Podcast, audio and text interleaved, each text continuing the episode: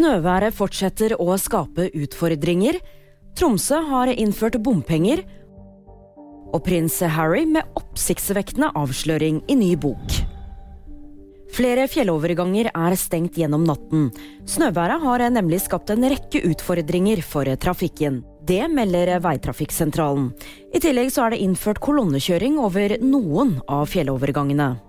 Og minst 27 av bussrutene i Oslo var torsdag morgen forsinket pga. snøværet. Fra og med midnatt natt til 5. januar så må alle som skal inn eller ut av Tromsø sentrum, betale bompenger. Bompengene er ment som innbyggernes bidrag til finansieringen av bypakken Tenk Tromsø. Det skal utgjøre om lag 58% av finansieringen til hele bypakken.